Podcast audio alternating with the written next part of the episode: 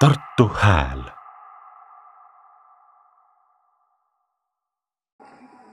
Tere kõigile, tore, et te olete jõudnud siia, jätkame Musta kasti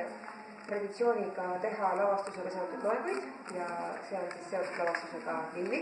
Ja meiega on Janet Laidla, kes äh, on ajaloolane, kes on ajaloolane ning kes jagab meiega äh, koduõpetaja kui naisharitlane teemal natukene teadmisi. palun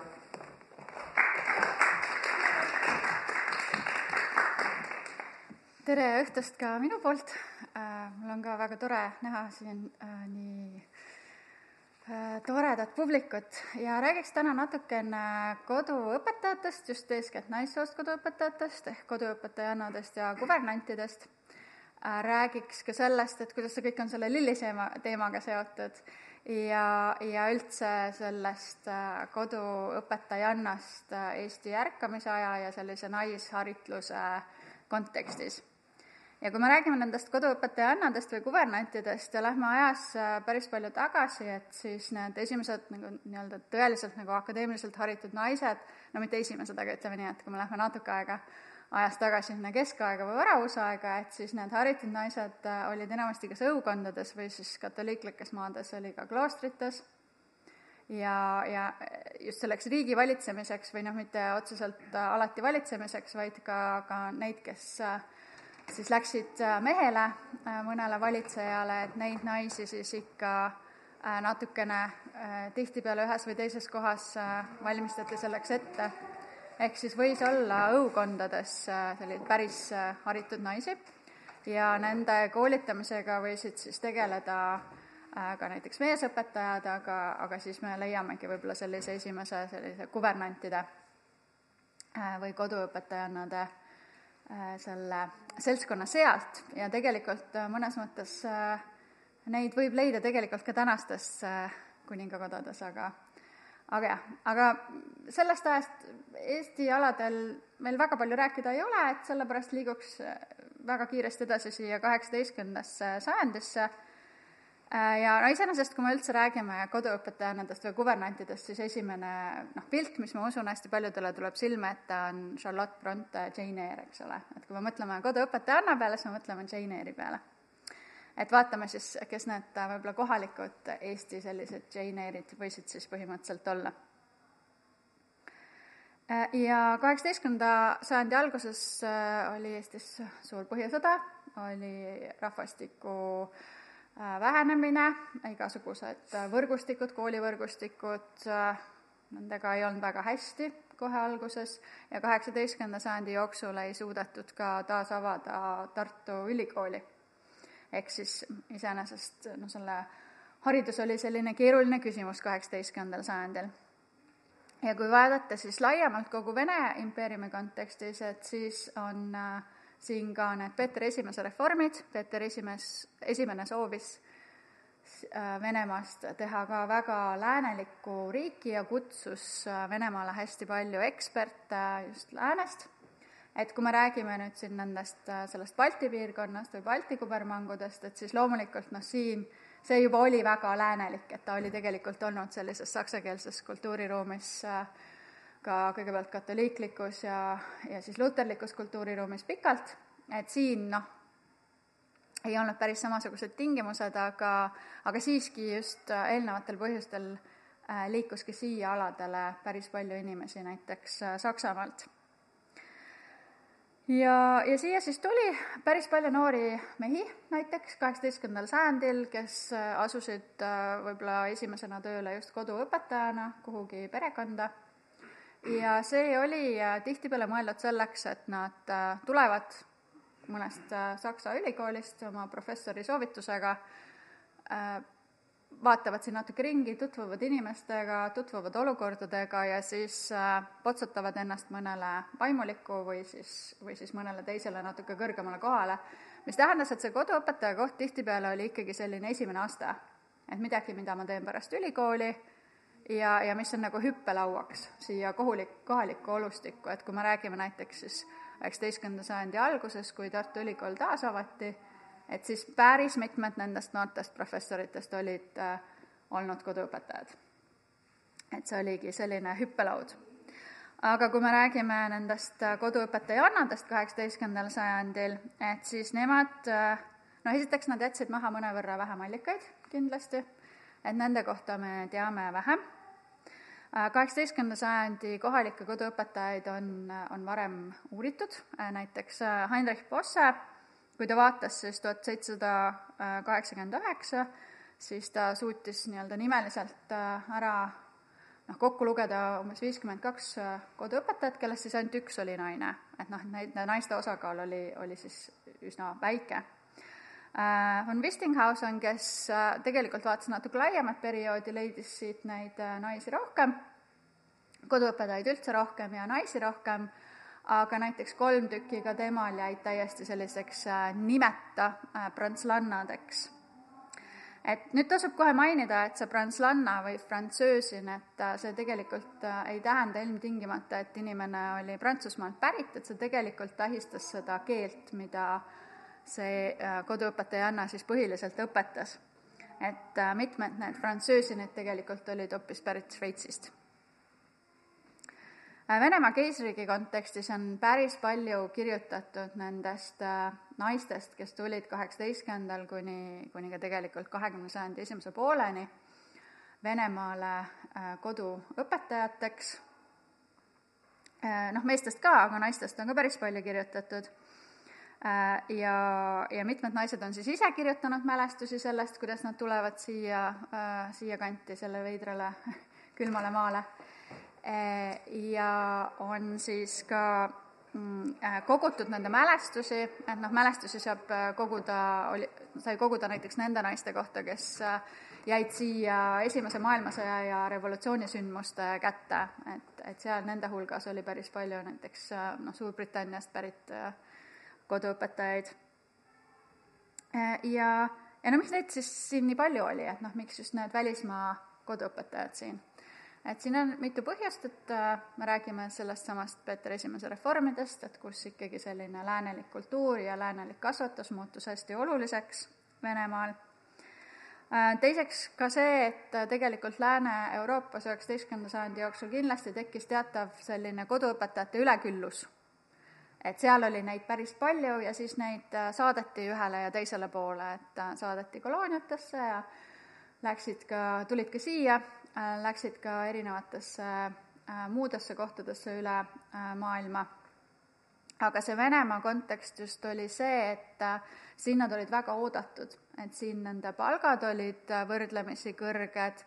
ja töö võis olla olenevalt perekonnast siis hästi mugav. Sellepärast et kui sa olid rikas vene aadlik, et siis sa ei võtnud mitte ühte koduõpetajannat, kes pidi nagu kõikidega tegelema, vaid sul oli perekonnas mõni koduõpetaja ja siis sul oli koduõpetajanna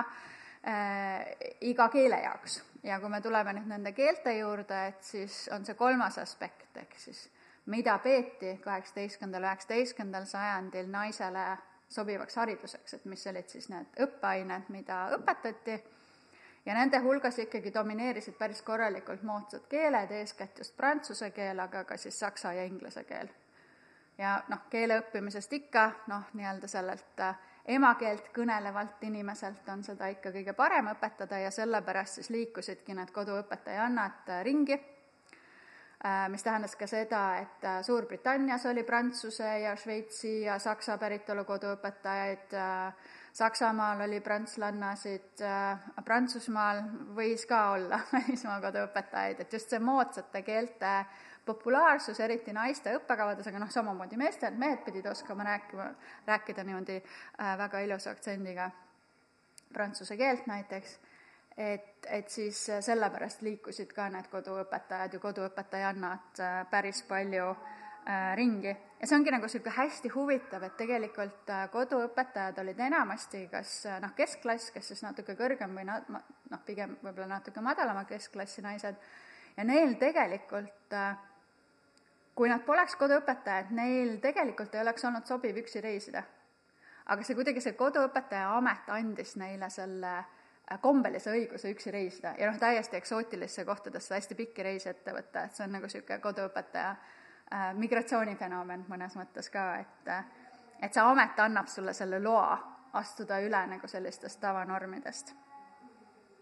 vot. Ja täpsustada tuleks siin ka natuke seda terminoloogiat, et alati ei ole selge, et mida selle koduõpetaja ameti all silmas pida-, peetakse või kes see koduõpetaja parasjagu on.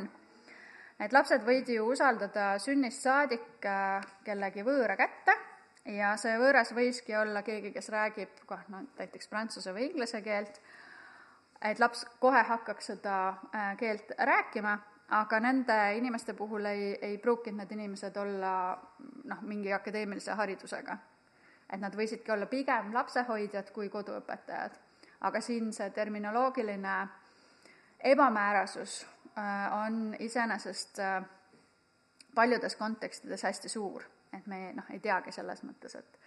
et mis ta siis nüüd oli, et kas tema oli pigem see ponne, kas ta oli pigem lapsehoidja või sest, või siis ta tegelikult oli see koduõpetaja, kes päriselt andis neid äh, tunde nii-öelda ka, kellel siis noh, pidi olema selleks ideaalis mingisugune ettevalmistus. ja üks põhjus, miks me näeme järjest enam koduõpetajaid allikates, on see, et Vene impeerium tahtis hakata kuidagi seda kvaliteedikontrolli teostama kui palju selles päriselt tõtt on, aga igal juhul hakkasid levima need anekdoodid, et noh, kas see on siis voorimees, kes pursib paar sõna prantsuse keelt, müüs ennast äh, kuhugi prantsuse keele õpetajaks maha või või siis ka iseenesest, äh, kui me räägime Suurbritannia kontekstis, et siis see aktsendi küsimus, et kui paljud siis olid need, kes äh, rääkisid seda äh, nii-öelda harituma klassi aktsendiga inglise keelt ja kes siis olid võib-olla sellised natukene ähm, madalama klassi äh, naised, kes olid siia liikunud, kelle äh, noh, nii-öelda kohalik või kodune aktsent võis olla selline, mis äh, pärast täiskasvanu eas äh, piinlikkust põhjustab, et kui palju siin tegelikult selles, nendes nii-öelda hirmulugudes või anekdootides tõtt on, et seda pole teada aga teada on see, et Vene valitsus hakkas järjest rohkem sellist äh, kontrolli äh, omama, just eeskätt alguses välismaa, aga hiljem ka oma koduõpetajate üle. Äh, ja kaheksateistkümnendal sajandil oli see, noh, on uurijad natuke skeptilised, et kui palju tegelikult need, et neil seda kontrolli oli, mingisugused, mingisugust ülelugemist ju toimus, sellepärast et tänu sellele me neid arve teame, aga kindlasti üheksateistkümnenda sajandi alguses muutus see kontroll selliseks natuke äh, tõsisemaks. et tuhande kaheksasaja kolmekümne neljandast aastast pidid siis äh, äh, nii mees- kui naissoost koduõpetajad Vene impeeriumis palju selgemalt näitama, et mis on siis nende see ettevalmistus ja, ja milliseid, milliseid aineid nad siis põhimõtteliselt õpetada tohivad. ja seal ere-, eristatigi ära just need kasvatajad, kes põhimõtteliselt tegelesid lapse hoidmisega või lapse kehaliste vajadustega ja just need koduõpetajad, pedagoogid, kes siis pidid edasi andma mingisugust õppeainet ja need, kes siis tahtsid seda nii-öelda koduõpetaja, nii-öelda hauslehrer või hauslehrerin äh, kutset saada, et nemad pidid siis sooritama eksami, Tartus nad tegid seda alguses siis Tartu Ülikooli juures Äh, Tallinnas Tallinna Gümnaasiumi juures, äh, Riias noh, täpselt samamoodi gümnaasiumi juures. Ähm, ja noh, siis nad hakkasid väga selgelt jätma maha juba erinevaid allikaid, sellepärast et selle jaoks, et eksamit sooritada, nad pidid äh, oma sünni noh, nii-öelda mitte sünnitunnistuse, aga selle, mingisugused dokumendid tooma oma selle sündimise ja ristimise kohta, mingisugused tõendid. Äh, ka, ka mingisugused sellised äh, tõendid selle kohta, et tegemist on ikka kombeliste ja ausate inimestega. Äh, taheti teada ka seda, et, et milline oli olnud nende eelnev haridustee ja siis küsiti nende käest, et millistes ainetes nad soorivad, soovivad eksameid sooritada, et alguses see oli selline natuke vabam, aga mingil hetkel ta muutus nagu rohkem selliseks nii-öelda rutiiniks et, äh, et ikkagi sajandi keskpaiku enamik naisi sooritasid eksami samades ainetes põhimõtteliselt, aga noh, alguses oli seal niisugust teataval määral sellist vabadust. Ja nad kirjutasid ka oma lühikesed äh, elulood, noh, enamasti nad on lühikesed selles mõttes, et noh, hästi tore on mõelda, et noh, et on sel-, säilinud koduõpetaja kandidaatide omakäelised elulood, aga kuna enamasti oli tegemist noorte inimestega, siis need elulood olid, et sündisin minu isa oli õppisin selles koolis ja nüüd ma olen siin, kas tohiks teha koduõpetaja eksamit, palun. aga mõned neist on siis ka natuke pikemad, et nagu selles suhtes, et aga neid on hästi, hästi vähe selliseid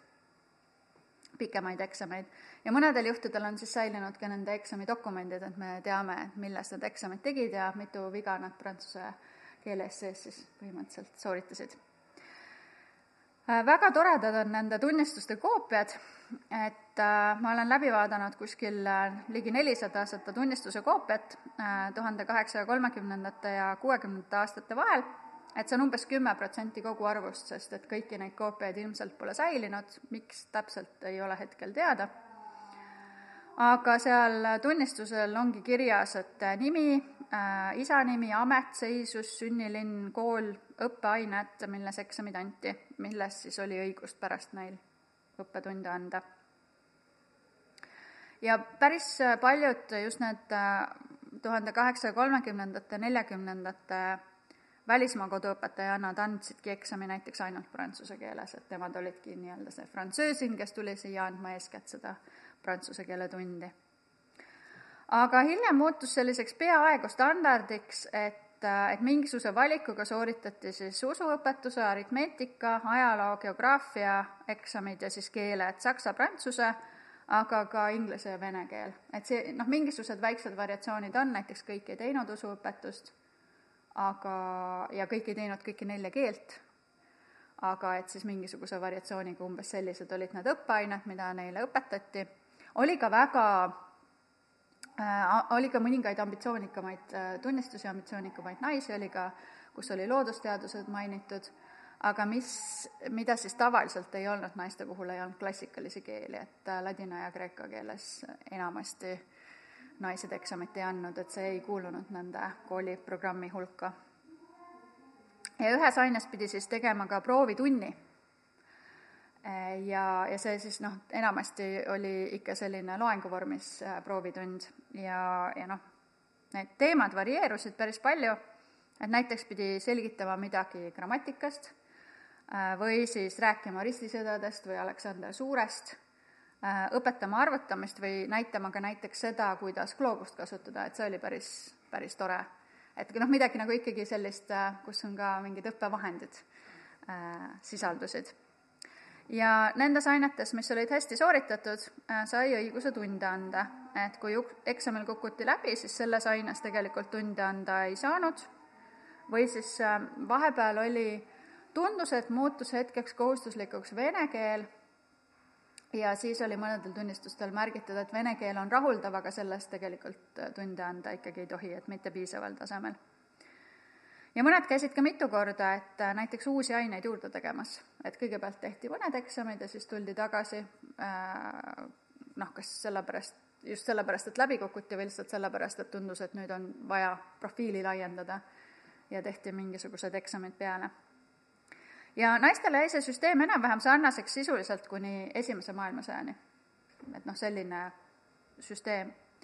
et kuigi juba üheksateistkümnenda sajandi keskel sai hakata eksameid andma suuremate tütarlaste äh, kõrgemate koolide juures, näiteks Tartus sai anda äh, kõrgema tütarlaste kooli juures eksameid, ei pidanud kuidagi kuhugi nii-öelda ülikooli selle jaoks tulema, siis äh, ähm, kui tekkisid naisgümnaasiumid, siis äh, iseenesest nad ei andnud pikka aega meestega sama haridust. noh, mitte pikka aega, vaid ütleme kohe Eesti Vabariigini siis ei andnud siis naisgümnaasiumit sama kvaliteediga haridust ja selles mõttes see kuvernandi eksam jäigi võib-olla selliseks naise nagu küpsustunnistuseks. ja teda hakati siis vahepeal arvestama ka mingisuguste muude tööde puhul et kui sa tahtsid saada, noh, võis juhtuda nagu telegraafisti või, või mõne muu sellise äh, nii-öelda oskustöö puhul või noh, nii-öelda juba sellise äh, büroo moodi töö puhul, et et see nii-öelda arvestati seda, et kas sul on see kutsetunnistus või mitte ähm,. Kõik tütarlapsed ei teinud kuverandieeksameid äh, ja kõik, kes eksami tegid, ei, loomulikult ei asunud koduõpetajana tööle Äh, vahel tehti seda igaks juhuks, vahel tehti prestiiži pärast, tegelikult ajalehtedes isegi kirjutati, et äh, miks te teete seda eksamit prestiiži pärast, et miks te kurnate tütarlapsed ära raskete eksamitega, eks ole. ja, ja noh, teine selline argument oli ka see, et et üheksateistkümnenda sajandi keskel ikkagi hakati nagu kartma, et äkki need madalamast päritolu naised hakkavad siin selle kuvernandi karjääriga tegema mingisugust sotsiaalset karjääri. Noh, mõtleme korraks tagasi Jane Eyre'i peale, eks ole, natukene. Et, et see ei olnud mitte mingisugune asi, mis oleks olnud siinsele piirkonnale omane, et seda samasugust debatti peeti ka mujal maailmas, aga et noh, et ta jõudis ka siia ajakirjandusse, et et ei tea, et kas ikkagi peaks neid, julgustama neid tütarlapsi seda kuvernandi eksamit tegema, et noh, mine sa tea, lähevad veel noh, nii-öelda hakkavad endast veel liiga palju arvama ja üldse neil ei ole seda vaja, sellepärast nad lähevad kohe mehele ja hakkavad kod-, nii-öelda headeks koduperenaisteks aga teiselt poolt räägiti juba siis sellest, et äh, nii-öelda kõrgema äh, klassi naistele oli see ainuke auväärne töö, kui äh, perekonna majanduslik olukord millegipärast jäi kehvaks või kui nad jäid millegipärast äh, üksi. et see oli selline no iseenesest olid veel noh, see noh, meditsiiniõdesid ei olnud nagu nii palju, aga, aga jah, et see õpetajaamet oli ikkagi ainuke selline nii-öelda keskklassi naisele nagu nii-öelda auväärne või noh, et äh, amet, et millega nad said siis põhimõtteliselt ela- äh,, elatist teenida. ja pole teada, kui paljud naised lasid sellest debatist ennast mõjutada, sest neid eksameid tehti siis endiselt. Kui kaheksateistkümnendal sajandil võis siinkandis olla rohkem neid välismaa koduõpetajaid, siis üheksateistkümnendal sajandil oli kohalik järelkasv ikkagi juba päris suur. Äh, eksamite järgi kindlasti võiks öelda, et äh, kohalikke on rohkem, aga nagu ma ütlesin, et siis kõik ei asunud tööle, kes eksameid tegid, mis tähendab, võib eeldada, et äh, need välismaalased, kes tegid siin eksami, pigem asusid tööle sellepärast, et noh, miks muidu nad oleks pidanud seda eksamit tegema, aga et kohalikest siis oli see ikkagi mingisugune osa, kes tööle asus ja nende tunnistuste põhjal võib ka öelda, et enamik välismaa õpetajatest, kelle diplomikoopiaid ma olen näinud, ongi just äh, Šveitsist pärit, et Šveits on võib-olla kõige populaarsem selline koht, kust äh, siia tuldi. aga põhimõtteliselt ka saksa keelt kõnelevatest riikidest ja, ja ka Prantsusmaalt on siis äh, äh, tulnud. ja koolide ja muude kuupäevade järgi võib öelda, et äh, kõik ei tulnud üksi, et mitmeid kordi tuldi siis kas õe või koolikaaslasega äh, siiakanti, justkui välismaalt tundi põhimõtteliselt ja loomulikult, kui eksameid tehti, siis tihtipeale ka õed koos või õed tegid. kõige enam oli äh, lindlaste ja haritlaste äh, tütreid nende eksami tegijate hulgas, Tartu Ülikooli õppejõudude tütreid päris palju, aga ka lihtsalt bürgerite tütreid, ametnikke linnast ja maalt. Oli ka aadlikke, kes olid selle eksami ära teinud. Ja kuni tuhande kaheksasaja kuuekümnendate aastani, aastateni selgelt sellisest talupojaseisusest äh, naisi veel ei olnud, aga pärast kuuekümnendaid, nii-öelda seitsmekümnendatel, kaheksakümnendatel hakkas selgelt kindlasti tulema juba neid äh, naisterahvaid, keda me täna noh, nii-öelda väga identifitseerime ikkagi selgelt eestlastena, kes hakkasid ka seda äh, koduõpetaja eksamit tegema ja noh, nüüd te olete päris kaua kuulanud seda sissejuhatust, et nüüd võib ikkagi tekkida see küsimus, et hea küll, aga kuidas see kõik täpselt selle Livili suburgiga seotud on, et noh, loomulikult ju otseses mõttes. et tegemist oli ju ka õpetajaga äh,, suburgite peres oli ka saksakeelne hoidja, mis siin võis tähendada just seda mitte koduõpetajat, aga ka koduõpetajat, eks ole ähm,. ka tema õde Anette oli kodukooli õpetaja alguses siis ma saan aru, et ta nii-öelda praktiseeris ilma eksamit tegemata, aga siis äh, kui oli vaja ikkagi liikuda ühest perekonnast teise järjest kõrgematele kohtadele, siis oli vaja seda ametlikku paberit, siis ta käis äh, tegemas ära neid, just neid kuvernandi eksameid ja, ja sai ka siis nagu väärikama töökoha. aga kõik need kodukooli õpetaja tunnistusega naised ei liikunud ju perest peresse et tegelikult maandusid päris paljud just mingisuguse kooli juures või lõid oma kooli, ka selles suhtes, nagu Suburg tegi. ja üks selline põnev näide on ka Võrus Kengede kool, et selle kooli asutas või siis võttis kellelgi eelnevalt üle eh, Eugenie Jeanneret, eh, kes on siis pärist eh, Neuchâtelist ja tema tegi selle kuvernandi eksami tuhande kaheksasaja kolmekümne seitsmendal aastal ja tema vanem õde Josephine oli abiellunud juba ühe teise koduõpetajaga, Ernst Kengega, e, ja andis eksamid siis juba abielunaisena, et enamik, kes andsid eksameid, olid vallalised, aga siis on mõned selgelt abielunaised juba ka. Ja tema andis siis kaks aastat hiljem, kuigi tema oli vanem õde selles perekonnas. ja abielupaar Kenget võttis siis kooli üle ja kui Ernst suri, siis jätkas tööd äh, Josephine ja tema andis siis selle kooli äh, omakorda üle oma tütrele Eliise Barthile. ja kui vaadata üldse nende Kengede pere, et siis äh, ma pakun, et sellel perel on, kõikidel lastel oli kodukooliõpetaja diplom, et noh, tekkiski selline koduõpetajate dünastia. et üldiselt koduõpetajad pigem noh, nii palju kui on teada, pigem abiellusid ka teiste koduõpetajatega. Et seal oli ka sellist äh, nii-öelda, noh, saadi kokku kuskil ja siis äh, abielluti, et seda on juba kaheksateistkümnendast sajandist teada siitkandist ka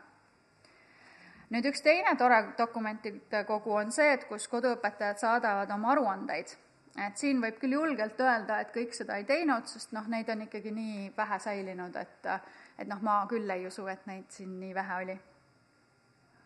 aga mõned saatsid kohe aastakümneid järjest, noh, mis annab, aitab nohki näha seda, et kui pikaealised võisid siis veel üheksateistkümnendal sajandil olla need kodukooliõpetajate karjäärid Äh, mõned need aruanded on siis ka kooli peale, ehk siis isa, igal aastal on üles loetletud kõik õpilased ja kõik õpetajad. Äh, neid äh, aruandeid on alguses siis vabas vormis, aga, aga siis tulevad sellised hästi konkreetsed ankeedid, kus on ette antud lahtrid, mis tuli täita. Ja nad sisaldavad päris palju sedasama infot, mida tunnistusedki, et aga lisaks siis sellele, et keda õpetati, noh, kus, eks ole, keda mis seisusest, mis vanuses õpilased olid, mis ainetes õpetati ja ka näiteks, milliseid kooliraamatuid kasutati. ja noh, mida on siis sel aastal nagu koolitunnis läbi võetud. et mõned on joonistanud ka väga ilusad tunniplaanid, et me saame teada, et mida see koduõpetaja siis esmaspäeval, teisipäeval, kolmapäeval õpetas. et see on ka väga tore Äh, ja noh, Lilli Suburg ühendas äh, kogu selle teema väga ilusasti rahvusliku ärkamise ajaga, aga noh, siin noh, neid näiteid eks ikka tuleb veel, et äh, noh, te kõik teate Friedrich Reinhold Kreutzwald, eks ole, see inimene on teile absoluutselt kindlasti tuttav, aga tal oli ka koduõpet-, ta, mitte temal endal, vaid tema peres teenis ka koduõpetaja. näiteks siis tema tütarde koduõpetaja äh, saatis tuhande kaheksasaja neljakümne neljandal aastal aruande veel vabas vormis, et ta õpetab Kreutzwaldi peres kahte tütart, Adelheidi ja Mariet, ja siis ühte sugulast, Olga Meinerit. ja õppeainetest toob ta siis välja ajaloo, geograafia, aritmeetika, saksa ja prantsuse keele, et need ongi need viis ainet, mida ta oma tunnistuse järgi tohtiski õpetada. see koduõpetaja oli Ida Schrödel, äh, kes oli ise sündinud Võrus tema isa oli Võrus äh, linnaametnik ja koos vanema õe Antoniga olid nad äh, õppinud siis Tartus Madame Küünigi koolis ja sooritasid kodukooli õpetaja eksamid koos tuhande kaheksasaja neljakümne teise aasta detsembris. ja hiljem teenis siis Kreutzwaldide perekonnas veel teinegi koduõpetaja, Sofia Munke. et noh, et, et juba selline niisugune huvitav äh,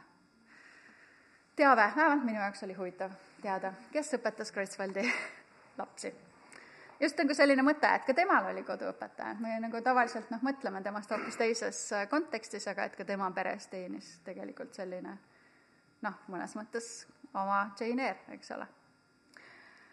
Äh, kui me hakkame sajandi lõpupoole vaatama naisi, kes kuidagi silma hakkavad paistma, siis noh, päris paljud nendest on teinud selle kodukooli õpetaja eksami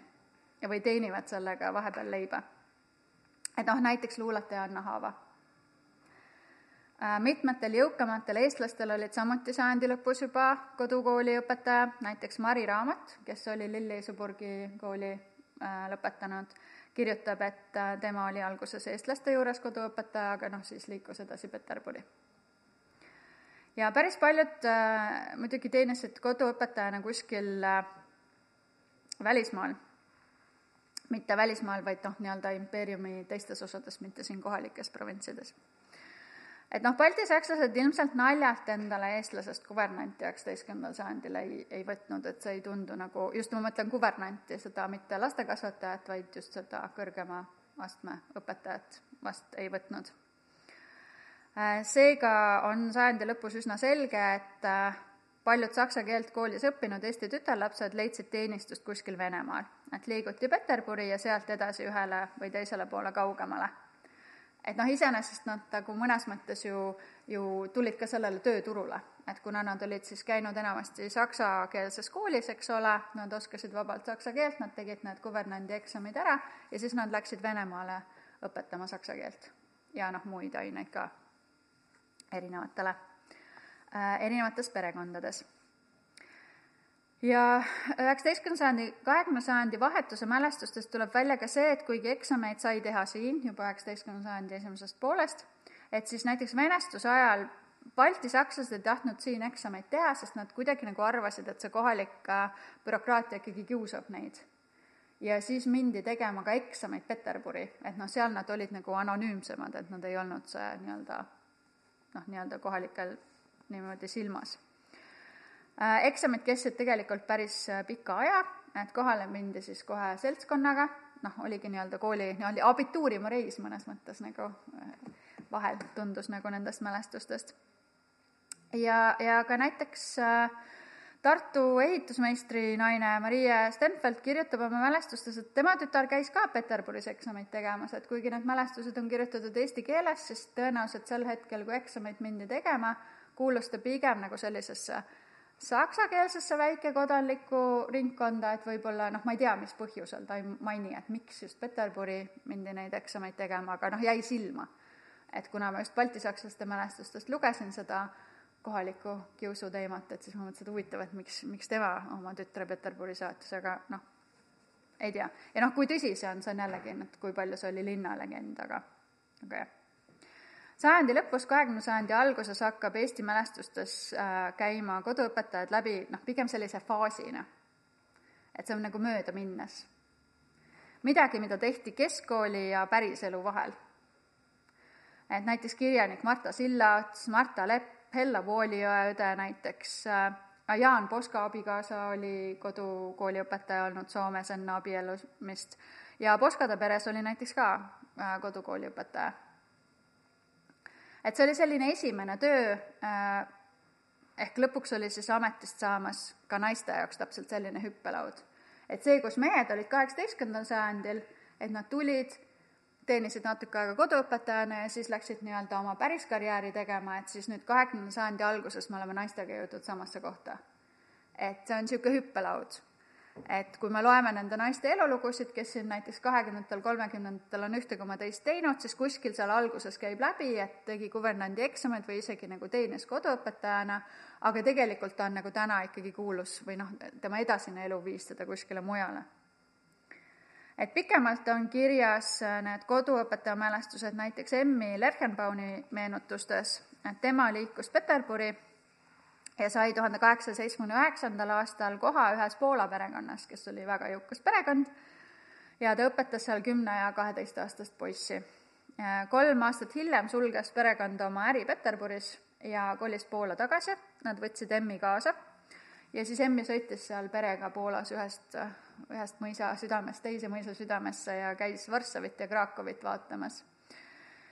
Tagasi koju tõi ta isa haigus ja siis selle järel surm ja mille järel Emmi läks siis äh, uut kohta otsima jälle Peterburi. et see on, on selline, kindlasti selline keskus, kuhu mindi, kus need kohad paremini liikusid. aga seekord ta jäi siis sinna ko-, tööle kooli, mitte siis äh, koduõpetajaks, ja elas siis kaasa sealsele Eesti seltsielule. noh, tal oli, pärast oli ka veel seiklusi, aga, aga need ei ole enam tema koduõpetaja eluga seotud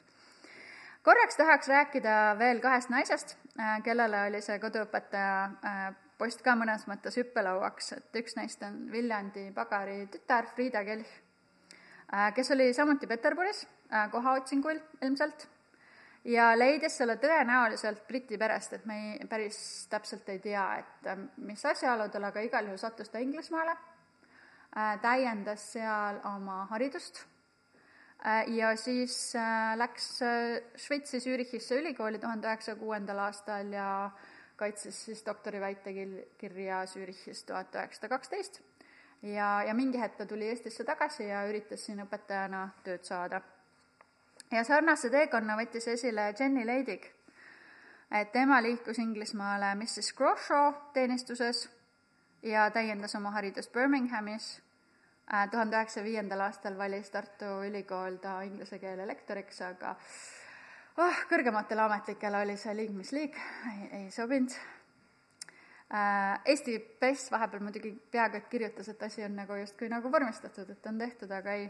aga tuhat üheksasada üheksateist ta selle koha ikkagi sai, inglise keele lektori koha siis ema eestikeelses Tartu Ülikoolis aga ta pani selle ameti üsna kiiresti maha, et sest noh, akadeemilist kõrgharidust tal ei olnud, et ta oligi öelnud, et ta tuleb sellele kohale ajutiselt, niikaua kui leitakse korralik äh, inglise keele lektor. ja ta jätkas õpetajana Tartus, et ta oli niisugune üsna legendaarne kuju, temaga ongi siin hea nii-öelda selle esimese osa nagu nii-öelda või noh, nii-öelda ettekande osa nagu kokku tõmmata, ta oli Lydia Koidula sugulane lühikest aega Eesti Kirjameeste Seltsi liige, mängis hästi klaverit ja rääkis anekdoote. et noh, tõesti jätnud endast mälestuse mitmete Tartu äh, üliõpilaste mälestustesse. et võiks öelda, et sel ajal, kui eestlannadest said äh, Jane Eyre'id, oli naiste olukord ühiskonnas muutumas nii, et kuvernandi diplom oli paljude haritlaste tütarde, õdede, abikaasade jaoks ainus küpsustunnistus mis võimaldas neil kas enne abiellumist või teiste tööde kõrvalt elatist teenida. et see ei olnud nagu ikkagi selline nii-öelda elu lõpuni karjäär enam äh,. Kindlasti kasvatada haritud tütreid äh, või õpetada teiste haritud tütreid, aga see ei ole võib-olla see, kuidas nad endid ise identifitseerisid või kuidas me neid täna nagu läbi ajaloo näeme.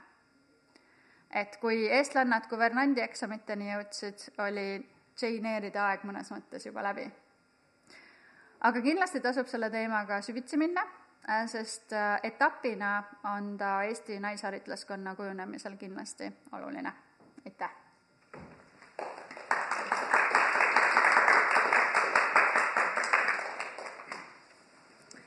nii, ma hea meelega vastan küsimustele või kuulan teie mõtteid selle teema kohta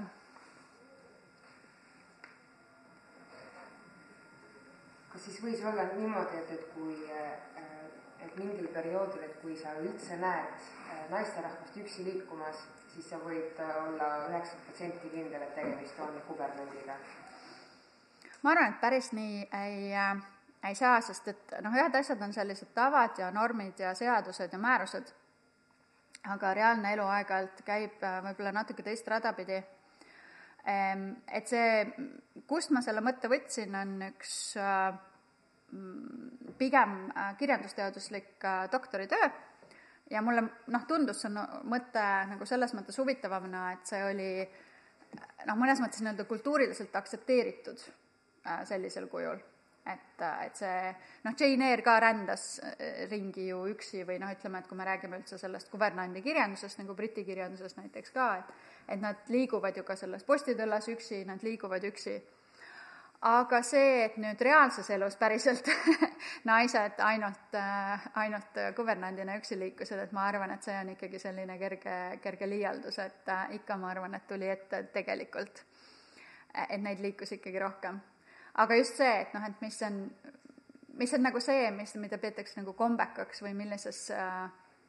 on see, millises kontekstis on see nagu justkui aktsepteeritud. aga ma arvan, et päriselu oli nagu vähe kirjum kusjuures see on üldse nagu huvitav, et kuidas oma kõlbelisust tõendada, et see käis läbi, et, et selle jaoks, et üldse neid eh, eksameid teha, eh, et, et siis sa pead kuidagi eh, oma noh, peaaegu et sünnitunnistuse kaasa võtma, aga et, et ka kuidagi tõendama, et sa oled nagu aus ja kõlbeline, et, et kas, ma eeldan, et see on nagu kellegi soovituskiri jah, et noh, näiteks need, kes olid äh, enne seda äh, kolmekümne neljandat aastat äh, siin juba pikalt viibinud, siis oli noh, mõnes mõttes arusaadav, et neil ei olnud igasuguseid neid tõendusdokumente kaasas. Ja siis nende kohta oli kirjas, et ka siin kohalike nagu soovituskirjad kõlbavad selle tunnistusena, et, et tegemist on igati kombeka inimesega noh, oli ju, noh, antakse ju oma lapsed ja nende haridus selle kätte, et peaks, võiks ju olla mingisugune niisugune vähemalt nagu mõte kontrollist. kust sa ikkagi selle hariduse said, et äh, missugused koolid või, või, või koduõpetajad, kus sa mm -hmm. ise jah äh,, alguse poole eriti ikkagi mitme tunnistuse peal oligi kirjas, et haridus on saadud kodus. Et noh, et kui nüüd seda no, kodu natuke vaadata, siis mõnel juhul noh, tõenäoliselt oligi seal palgatud olnud keegi, aga mõnel juhul tundus ka, et juba see, ka nendest, kes näiteks välismaalt tulid, et et isa on õpetaja näiteks, et siis noh, tundus, et see kodune haridus võis tulla ka, ka sealt üldiselt oli ka nii, et äh, kui seda jõukust oli natuke vähem, äh, tütreid peres oli palju, siis vanem koolitati ära ja siis ta võeti koju nooremaid õpetama. Et siis nagu põhimõtteliselt hoiti nagu hariduse pealt äh, niimoodi selles mõttes kokku. ja siis olid ikkagi ka need vallalised tädid, kes jäid siis nii-öelda sugu, käisid siis sugulaste juures lapsi õpetamas ja kasvatamas, et et see nii-öelda tantede Äh, fenomen on muidugi ka absoluutselt olemas. Aga mida see kümnend edasi üheksateistkümnendal sajandil, seda rohkem oli ikkagi näha, et vähemalt mingisugused klassid olid käidud mingisuguses koolis ja neid koole tegelikult oli päris palju. tundus ka, et äh, siin olid nagu noh, nad olid erinevatel perioodidel, et kui üks nii-öelda pani uksed kinni, siis äh, tuli, kui tuli teine, et sai mainitud seda Madame Königi kooli, siis oli Äh, Hofrehtin Struve kool oli äh, Tartus äh, kindlasti vahepeal, siis oli Muischeli kool, oli noh, sajandi lõpus Salomoni kool, eks, et neid, neid koole selles mõttes ikkagi oli, see Kengede kool töötas ju üle kahekümne viie aasta Võrus, et tegelikult sealt tuli ka järjest, et noh, et, et neid kodu noh, neid eksameid tegema. Ja siis tulid ka need kõrgemad tütarlastekoolid järjest, et Tartu Kõrgem Tütarlastekool, eks ole, Pärnu oma, kus ongi nüüd need eh, noh äh,, paljud tõesti noh, need ärkamise aja neiud saanud äh, hariduse, ma arvan, et seal tegelikult selle Pärnu kooli nimekirjas võib olla veel rohkemgi neid äh, neidusid, keda me praegu ei tea, noh lisaks Koidulale ja Suburgile ja et ähm, et see on ja, ja kusjuures selle Pärnu kooli allikad on tegelikult ju säilinud, et see üliõpilaste või see õpilaste nimekiri on lausa digiteeritud, et ma vaikselt niimoodi lehitsen teda ikkagi, üritan leida sealt tuttavaid nimesid. et, et jah, et see koolide küsimus on ikkagi noh, kohe järgmine, et Eesti kooli ajaloos on päris palju neid erakoole noh, üles loetletud, et millest me siis teame nime millest me teame siis võib-olla natuke rohkem, aga päris palju allikaid tegelikult on, on Rahvusarhiivis, mille põhjal saaks kirjutada nagu no iga selle kooli kohta, ma arvan, väike selline nupuke kindlasti, et mitte öelda rohkem. et ja vaadata, et kes seal tegelikult siis õppisid. aga mis see minimaalne kriteerium äh, oli, et, et üks selline, et, et oleks kool, et, et ma ei tea, on see õpilaste arv või et, et või, või või võis põhimõtteliselt ka näiteks äh, kolme õpilasega kooli pidada, kui äh, õppemaks oli piisavalt suur? eks siin äh,, see on ka see, et mi-, milline kool koole oli päris erinevaid ja eks ta aja jooksul ju kõik need äh, regulatsioonid selles mõttes ju muutusid ka, et selle jaoks, et ikkagi sellist ametlikku kooli avada äh,, selle jaoks tuli taotleda luba ja siis, siis äh, täita neid nõudmisi, et mis, mistõttu me nagu neid koole teame. et kui me räägime näiteks venestusajast, et siis äh just naiste puhul oli see teema, et ähm, et venekeelsetesse koolidesse äh, nii-öelda baltisaksa naisi väga ei tahtnud panna, sest et nemad pidid olema selle saksakeelse kodu ja kultuuri hoidjad ja siis toimisid sellised nagu ikkagi mit-, pigem ütleks mitteametlikud õpiringid. et, et kogunetigi kuhugi ja no seal oli enamasti, on, on kuskil kümmekond tütarlast olid siis selles õpiringis äh, koos ja need olid ikkagi niisugused pool mitteametlikud, aga eks sinna üritati saada ka nii-öelda juhendajaks kedagi, kellel ikkagi oli see kuvernandi paber või, või nii edasi, aga noh, seal keegi ei küsinud, et noh, vanemad võisid küsida, et mis, mis diplom sul on, aga ta ei olnud nagu äh, riigi mõttes oluline küsimus. aga, aga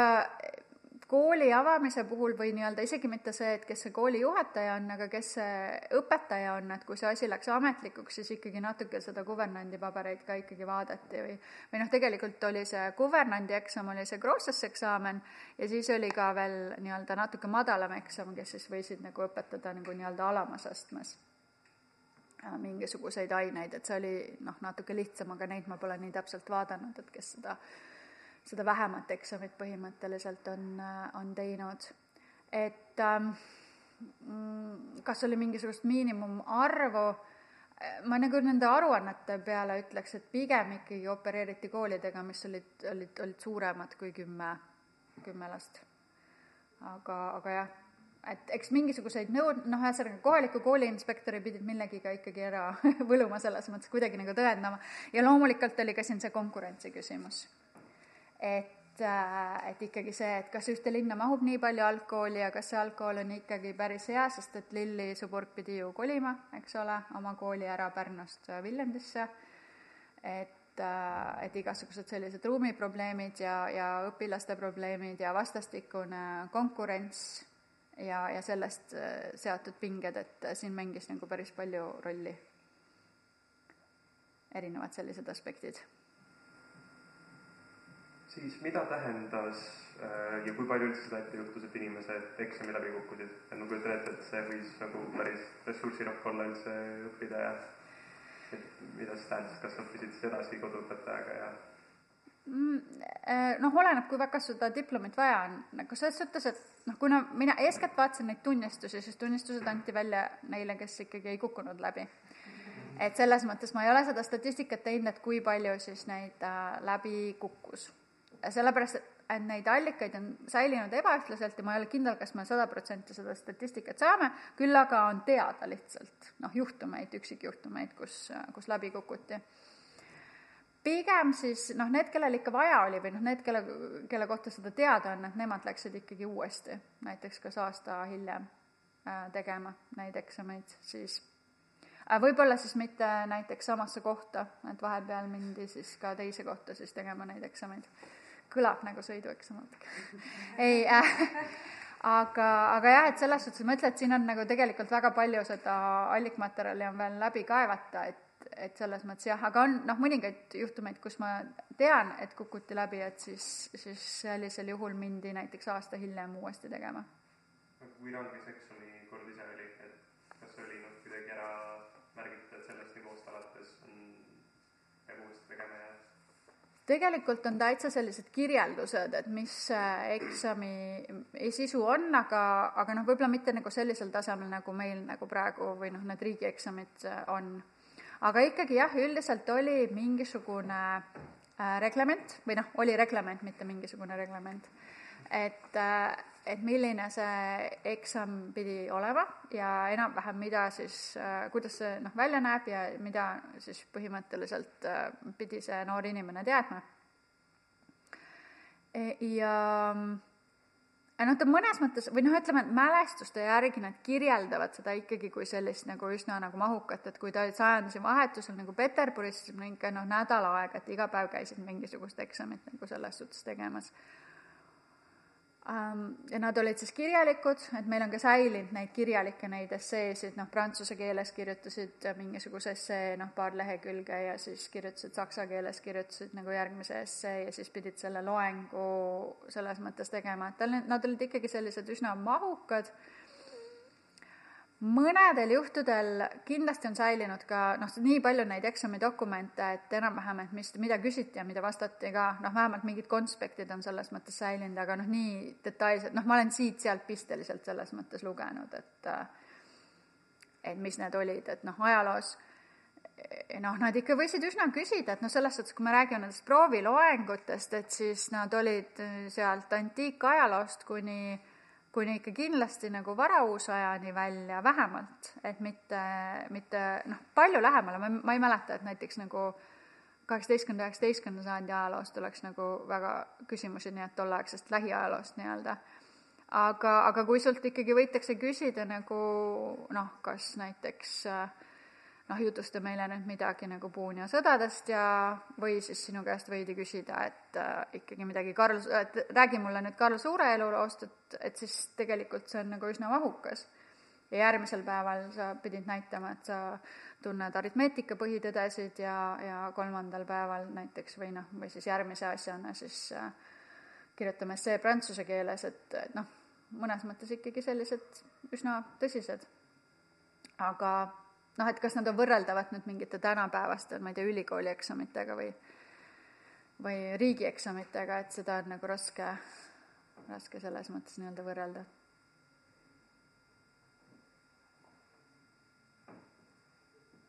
aga hindeid mu, noh, selles mõttes anti hindeid, et näiteks tunnistusel on kirjas, et noh, näiteks, et näitas üles äh, Äh, ajaloos ja geograafias häid teadmisi, saksa keeles ja prantsuse keele elementides väga häid teadmisi ja aritmeetikas suurepäraseid teadmisi, et nad isegi nagu selles suhtes vahepeal nagu tegid selliseid vahet, et ja, ja eksamite erinevad komponendid, et kui vaadata neid protokolle, et võisid ka, et sinna andis see keskmine hinne, aga sul võis olla nagu äh, kirjalik hea ja suuline väga hea ja noh, selles suhtes, et seal ikka neid erinevaid komponente ka hinnati. aga eks no ma räägin ka, et noh, et ta oli enam-vähem sarnane seal tuhat kaheksasada kolmkümmend neli kuni, kuni sisuliselt Esimese maailmasõjani või Eesti et, et siis tõenäoliselt ikkagi noh, mingites detailides need asjad ikkagi muutusid ajas ka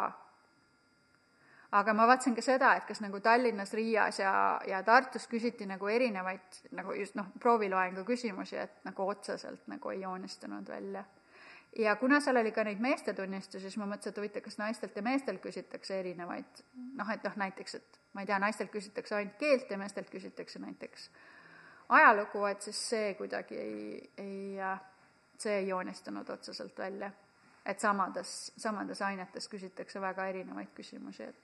et tundus, et prooviloengu teemad on ikka üsna sellised noh. kas üks inimene pidi käima kõigis nendes ainetes või ta võis valida, mida ta tahab? vähemalt alguses kindlasti ta kirjutas avalduses, et millistes ainetes ta tahab teha ja isegi seda peaainet, äh, milles see prooviloeng tehti, sai vähemalt mingi ajani valida ise noh, ilmselt mitte seda kitsamat, äh, vaid aga noh, nii-öelda, et ma tahan selle pealoengu teha või noh, peaaine teha või noh, prooviloengu teha siis ajaloos ja siis sulle anti põhimõtteliselt see teema ette. aga mm, et kas nüüd nii-öelda viiekümnendatel, kuuekümnendatel ähm, muutus see selliseks nii-öelda stabiilsemaks, et tehtigi kõikides ainetes, mis sul seal äh, kooliprogrammis oli, et äh,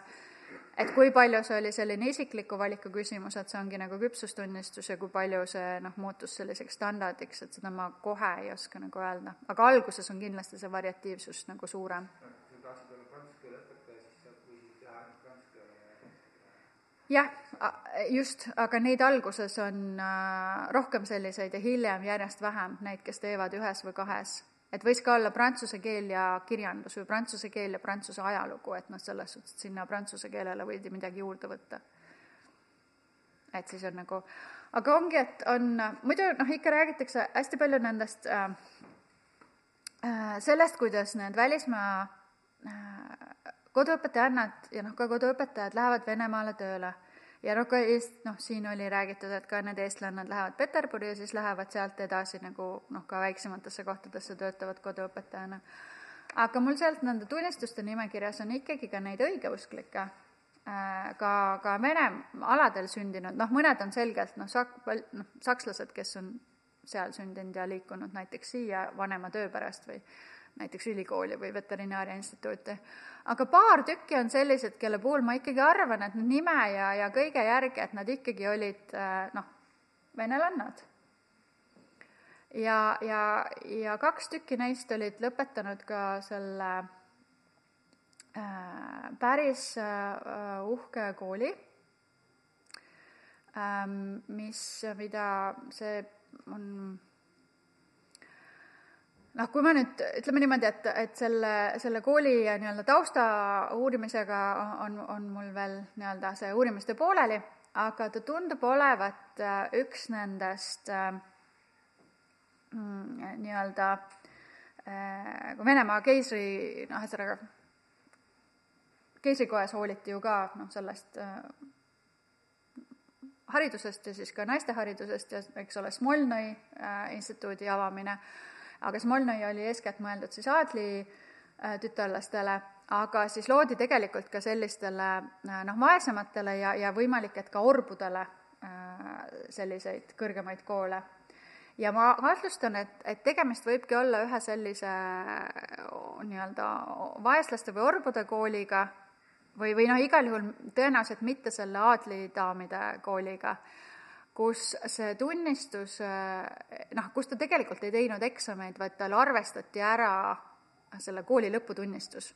et meeste puhul seda näeb rohkem, aga siin on ka kaks tütarlast, kelle puhul tegelikult oli aru saada, et ta neid eksameid reaalselt Tartu Ülikooli juures ei teinud, vaid tal tegelikult arvestati ära selle koolitunnistus. ja seal oli ikkagi ikka sellist pedagoogikat ja loogikat ja nagu noh, see ainete nagu noh, loodusteadusi, eks ole, et see ainete nagu äh, variatsioon oli selles mõttes nagu palju suurem ja siis sa tegelikult noh, vaatad, et jah, et on, tal on õigus õpetada nagu seitset, kaheksat, kümmet äh, ainet, eks ole, ja noh, ta lõpetab ikkagi sellega, et ta õpetab Pärnu kõrgemas tütarlaste koolis vene keelt.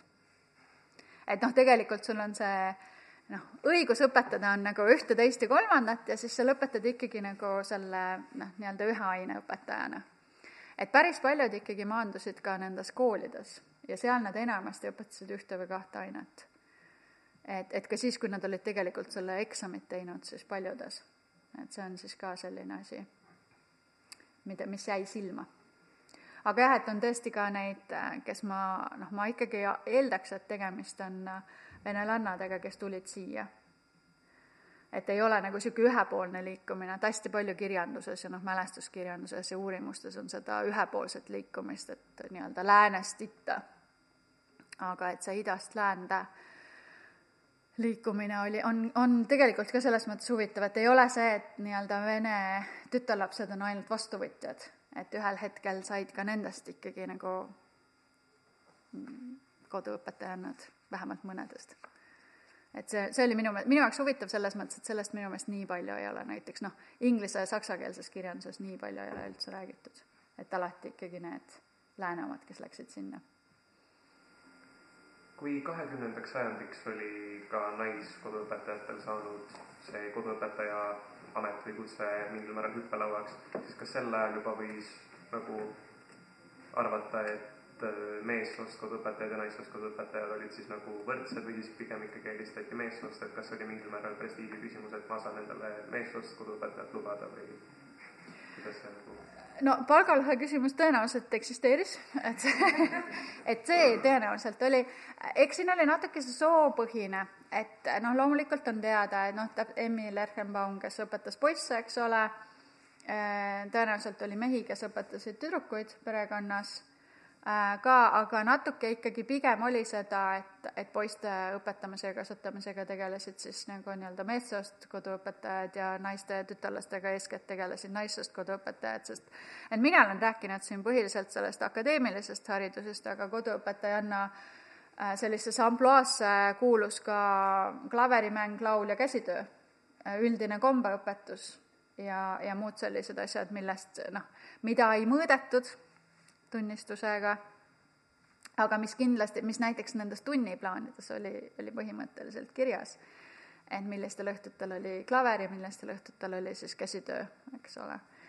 või pärastlõunatel, et joonistamine noh, täpselt samamoodi. et, et, et selles mõttes ma arvan, et, et neil ikkagi säilis mingil määral see erinev tööjaotus, aga ta selles mõttes nagu hägustus et, et kui Emmi Lerhenbaum kirjutab, et ta nagu ikkagi seal Poolas valmist-, aitas ette valmistada neid poegi gümnaasiumisse astumiseks, siis ma kujutan ette, et seesama noh, ikkagi kaheksateistkümnenda sajandi kontekstis nagu pigem ei oleks olnud variant. et nagu võib-olla selline, et noh, selles mõttes nagu tas-, mingisugune tasakaalustamine nagu igal juhul toimus aga see, aga ma arvan, et see sooline nagu nii-öelda eelistus mõnes mõttes nagu jäi. aga kui sul oli võrdsel arvul tütreid ja poegi perekonnas ja oli raha võtta ainult üks, et no siis oli see, et kelle sa said või mida su pere eelarve siis lubas, et aga noh, tõenäoliselt ikkagi, et see palgalõhe küsimus täitsa eksisteeris. Aga noh, see palk oligi nagu hästi-hästi ju erinev, et kui sa õpetasid vene kõrgaadlit, et siis see oli nagu üks asi ja kui sa olid, töötasid arstiperes Võrus, et siis see summa oli teine, ükskõik mis soost sa selles mõttes nagu olid. aga see õpetaja valik siis pigem oli seotud sellega, mis soost su laps oli, mitte see, et meesõpetaja on parem kui naisõpetaja? Pigem ütleme niimoodi, et tõenäoliselt mitte sada protsenti. Ja eks seal neid noh, juba seda, et mille järgi valida, et et kes ütles, et noort õpetajat ei tohi valida, eriti naisõpetajat noort ei tohi valida, et peab ikkagi olema nagu elukogenud. Et, et noh, siin neid põhjusi võis olla nagu palju, aga ma pigem ütleks, et see lastesugu oli, oli selline nagu selles nimekirjas nagu noh, pigem kõrgemal kui madalamal kohal aga kas meesõpetajad õpetasid ka mingeid lisaaineid, mingit puutööd või mingit niisugust asja? ratsutamist ja jahtimist, tantsimist. Äh, pigem, pigem jah, ratsutamine ja ratsutamine ja mõõgavõitlus olid, olid selles suhtes, et äh, et kui me räägime nagu aadlike haridusest, siis nagu puutööd lasid nad ikkagi, puutööd nad ostsid sisse teenusena et, et aga jah, selles mõttes olid kindlasti, noh, no tõenäoliselt oli see, et, et ega nagu naissoost koduõpetaja nagu poistele nagu seda rapiiri hoidmist ei õpetanud, et noh, siin ma olen nagu üsna et, et, et selle jaoks olid ikkagi need äh, meessoost. ja siin oli ka see vanuseline, et näiteks ka, et lapsi õpetati, kasvatati mingise vanuseni koos ja siis läksid eraldi, et poisid läksid eraldi ja tüdrukud läksid eraldi ja siis oli ka see küsimus, et et pigem saadeti poisse linna kooli ja tüdrukutele võeti koju koduõpetaja, kui see vähe oli, vähegi oli rahaliselt võimalik, sest see debatt oli ka see osa sellest üheksateistkümnenda sajandi keskpaigast, et et tüdrukuid sinna linna pensioni saata, et see ikka, no see on ikka väga ohtlik värk, et siis nad lähevad kindlasti ikkagi käest ära. et ja et kes neid seal ikkagi valvab ja, ja muud sellist, aga noh, jälle nagu vahel saadeti Äh, linna kooli äh, ka tütarlapsi ja noh, vahel saadeti ka ainult viimasteks äh, klassideks, et noh, ongi see, et, et võib kirjas olla, et ta on lõpetanud selle kooli, aga, aga see tähendab seda, et ta õppis seal viimased aastad. et siin on see küsimus ka, et mingi vanuseni võidi,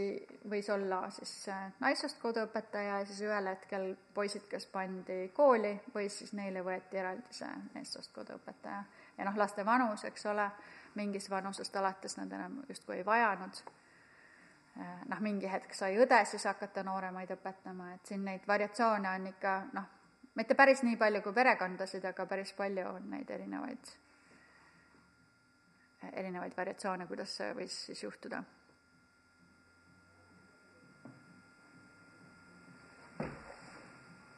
On üldse võimalik, saades aru, et, et on hästi-hästi erinevaid eh, viise, kuidas,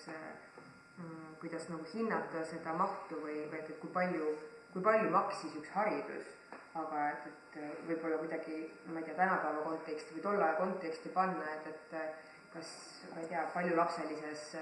mitte, ma ei tea, madalama aadli peres, et, et peame hobuse maha müüma, et üks laps linna saata või et, et mi-, mis see, jah, tahaks kuidagi uurida, mis, mis selle hariduse hind võis, võis tollal olla? või mingeid näiteid erinevatest aegadest mm? -hmm. noh, nii-öelda ütleme nii, et noh, päris, päris odav lõbu ta ei olnud, aga siin oligi täpselt neid erinevaid variante. et kui sul oli vähe raha, siis sa eelistasid enamasti poisteharidust et äh, kui sul oli, sa said valida, et kellele sa, et noh, piiratud ressursid, kelle peale sa kulutad, siis sa kulutasid enamasti nagu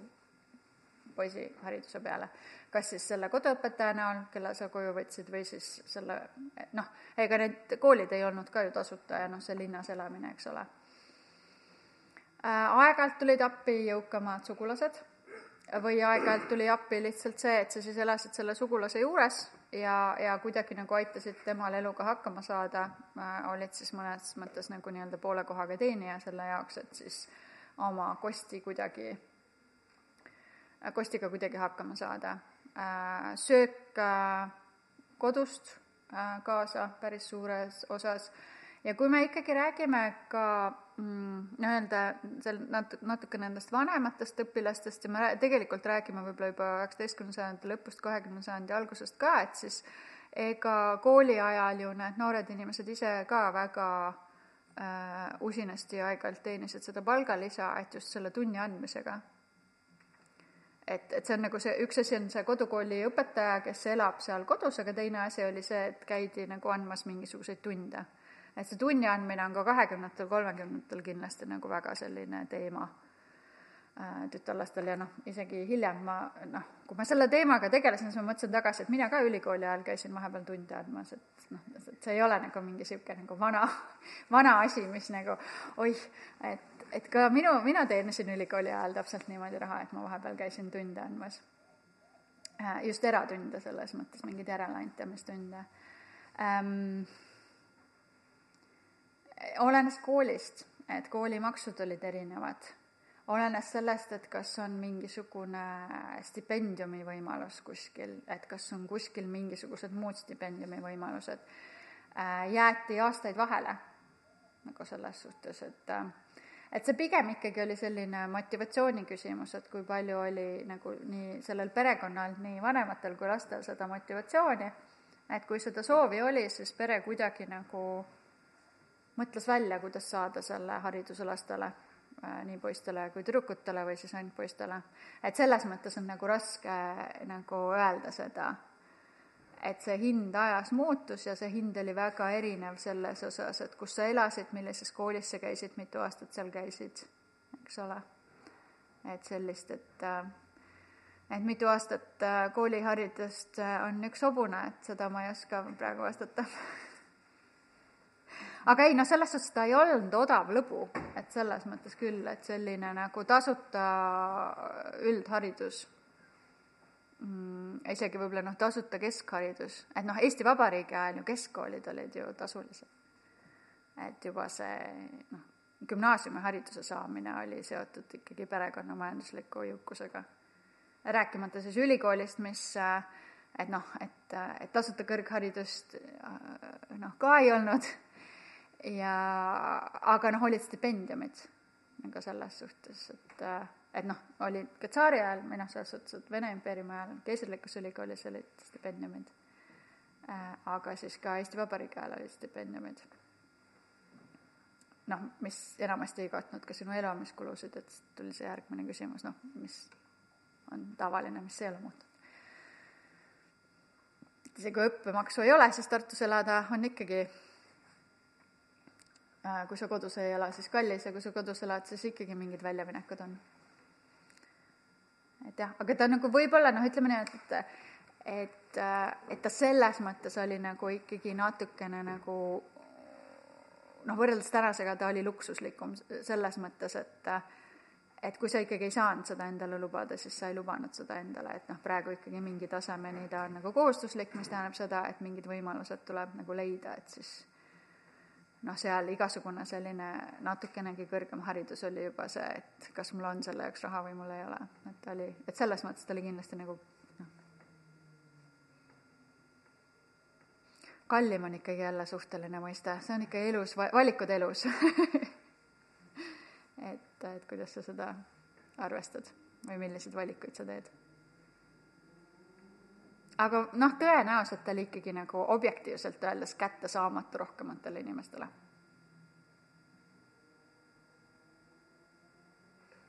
peale esimest maailmasõda Eestis enam koduõpetajaid sellisel kujul ei olnud? oi, ikka tõenäoliselt oli. et, et selles mõttes, et kui, kui praegu guugeldada, siis et neid koduõpetajaid on ju tänagi ja, ja täiesti professionaalsed koolid, kes äh, nende noh, kes neid eliitkooliõpetajaid, koduõpetajaid välja koolitavad, et et noh, kas, kas mitte äh, sellel äh, Briti kuningakojas ei ole Šveitsi koduõpetajanna neid Waleside lapsi ei kasvata üles, kuskil oli uudis, et noh, iseenesest see tegelikult on täiesti kahekümne esimese sajandi fenomen ka, et äh, et kindlasti olid aga neid oli tõenäoliselt selles mõttes nagu vähem, et ikkagi selline üldhariduskooli haridus oli, oli levinum. et meid selles mõttes nagu kadus, aga niisugust tunni andmist, seda oli ikka. et sellega teenisid paljud ülikool, üliõpilased raha. koduõpetajad pidid ka mingid äh, lastele mingid eksamid tegema, et kui sa kodus õppisid, kas sul pidi olema mingi tulemus seal?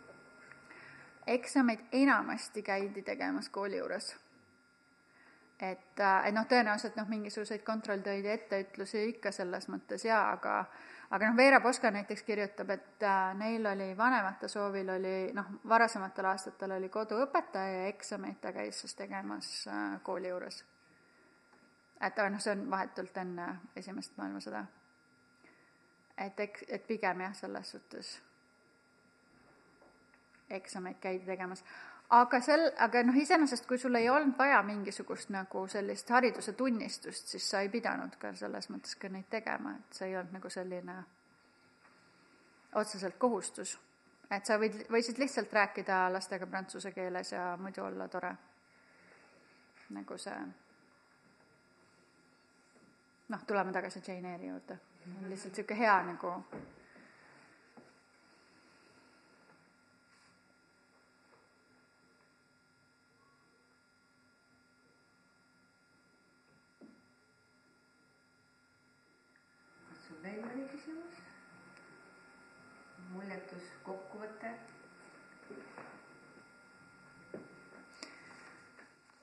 ühesõnaga, mina arvan, et siin selles teemas on ühte koma teist, mida saaks veel puurida ja täpsustada ja uurida, neid koole täpsemini kaardistada. Ähm, noh, mingis mõttes statistiliselt need arvud on enam-vähem teada, et kui palju seda kõrgemat äh, nii-öelda tüdrukute mõttes kõrgemat haridust äh, siin neiud said. Aga et kas me leiame siit veel äh, huvitavaid, toredaid Eesti neidusid, äh, kes on noh, pärast midagi ära teinud või et noh, see oleks nagu selles suhtes niisugune huvitav küsimus. Või noh, et tõesti, et nagu mis ajal ja millises äh, hulgas see, see kõrgem kooliharidus ikkagi just nende Eesti neidudeni jõudis, et see oleks nagu selles mõttes huvitav, aga seal on see küsimus jällegi, et kuna rahvuse määratlus tekkis ikkagi alles Eesti Vabariigiga, et siis kuidas me nüüd äh, neid jagame, et see on hästi keeruline jagada, noh, selles suhtes, et et miks ma ütlen, et Frieda Kelch on nagu pigem nagu saksakeelne ja Jenny Leidig, noh, nime poolest nagu kedagi või, või ma ei nimetanud teda millegipärast Jenniks, sest ta oli inglise keele õpetaja, aga noh, Jenny Leidig, eks ole. et noh, miks ma jagan ühe eestlaseks ja sakslaseks, see tegelikult on kohutavalt meelevaldne et noh, võib-olla sellepärast, et üks oli seotud Eesti rahvusliku liikumisega ja teine ikkagi pigem liikus nagu saksakeelsetes ringkond, ringkondades, et aga aga jah, aga ikkagi nagu selles suhtes, et et kui laialdane see nii-öelda kooliharidus ja mis tasemel see kooliharidus naistel üheksateistkümnendal sajandil ikkagi oli, et, et siin ma arvan, et annaks nagu päris palju äh, veel veel uurida, äkki leiab veel nimeliselt üles neid toredaid kooliõpetaja, äh, kodukooliõpetajaid, kes töötasid siis meie äh, ärkamisaja äh, haritlaste peredes, et see oleks ka, ma arvan, päris tore. Et kindlasti tahaks selle teemaga nii-öelda veel süvitsi minna, veel laiemalt, aga, aga midagi, mulle tundub, et, et midagi sai juba ka nagu välja öeldud, aitäh!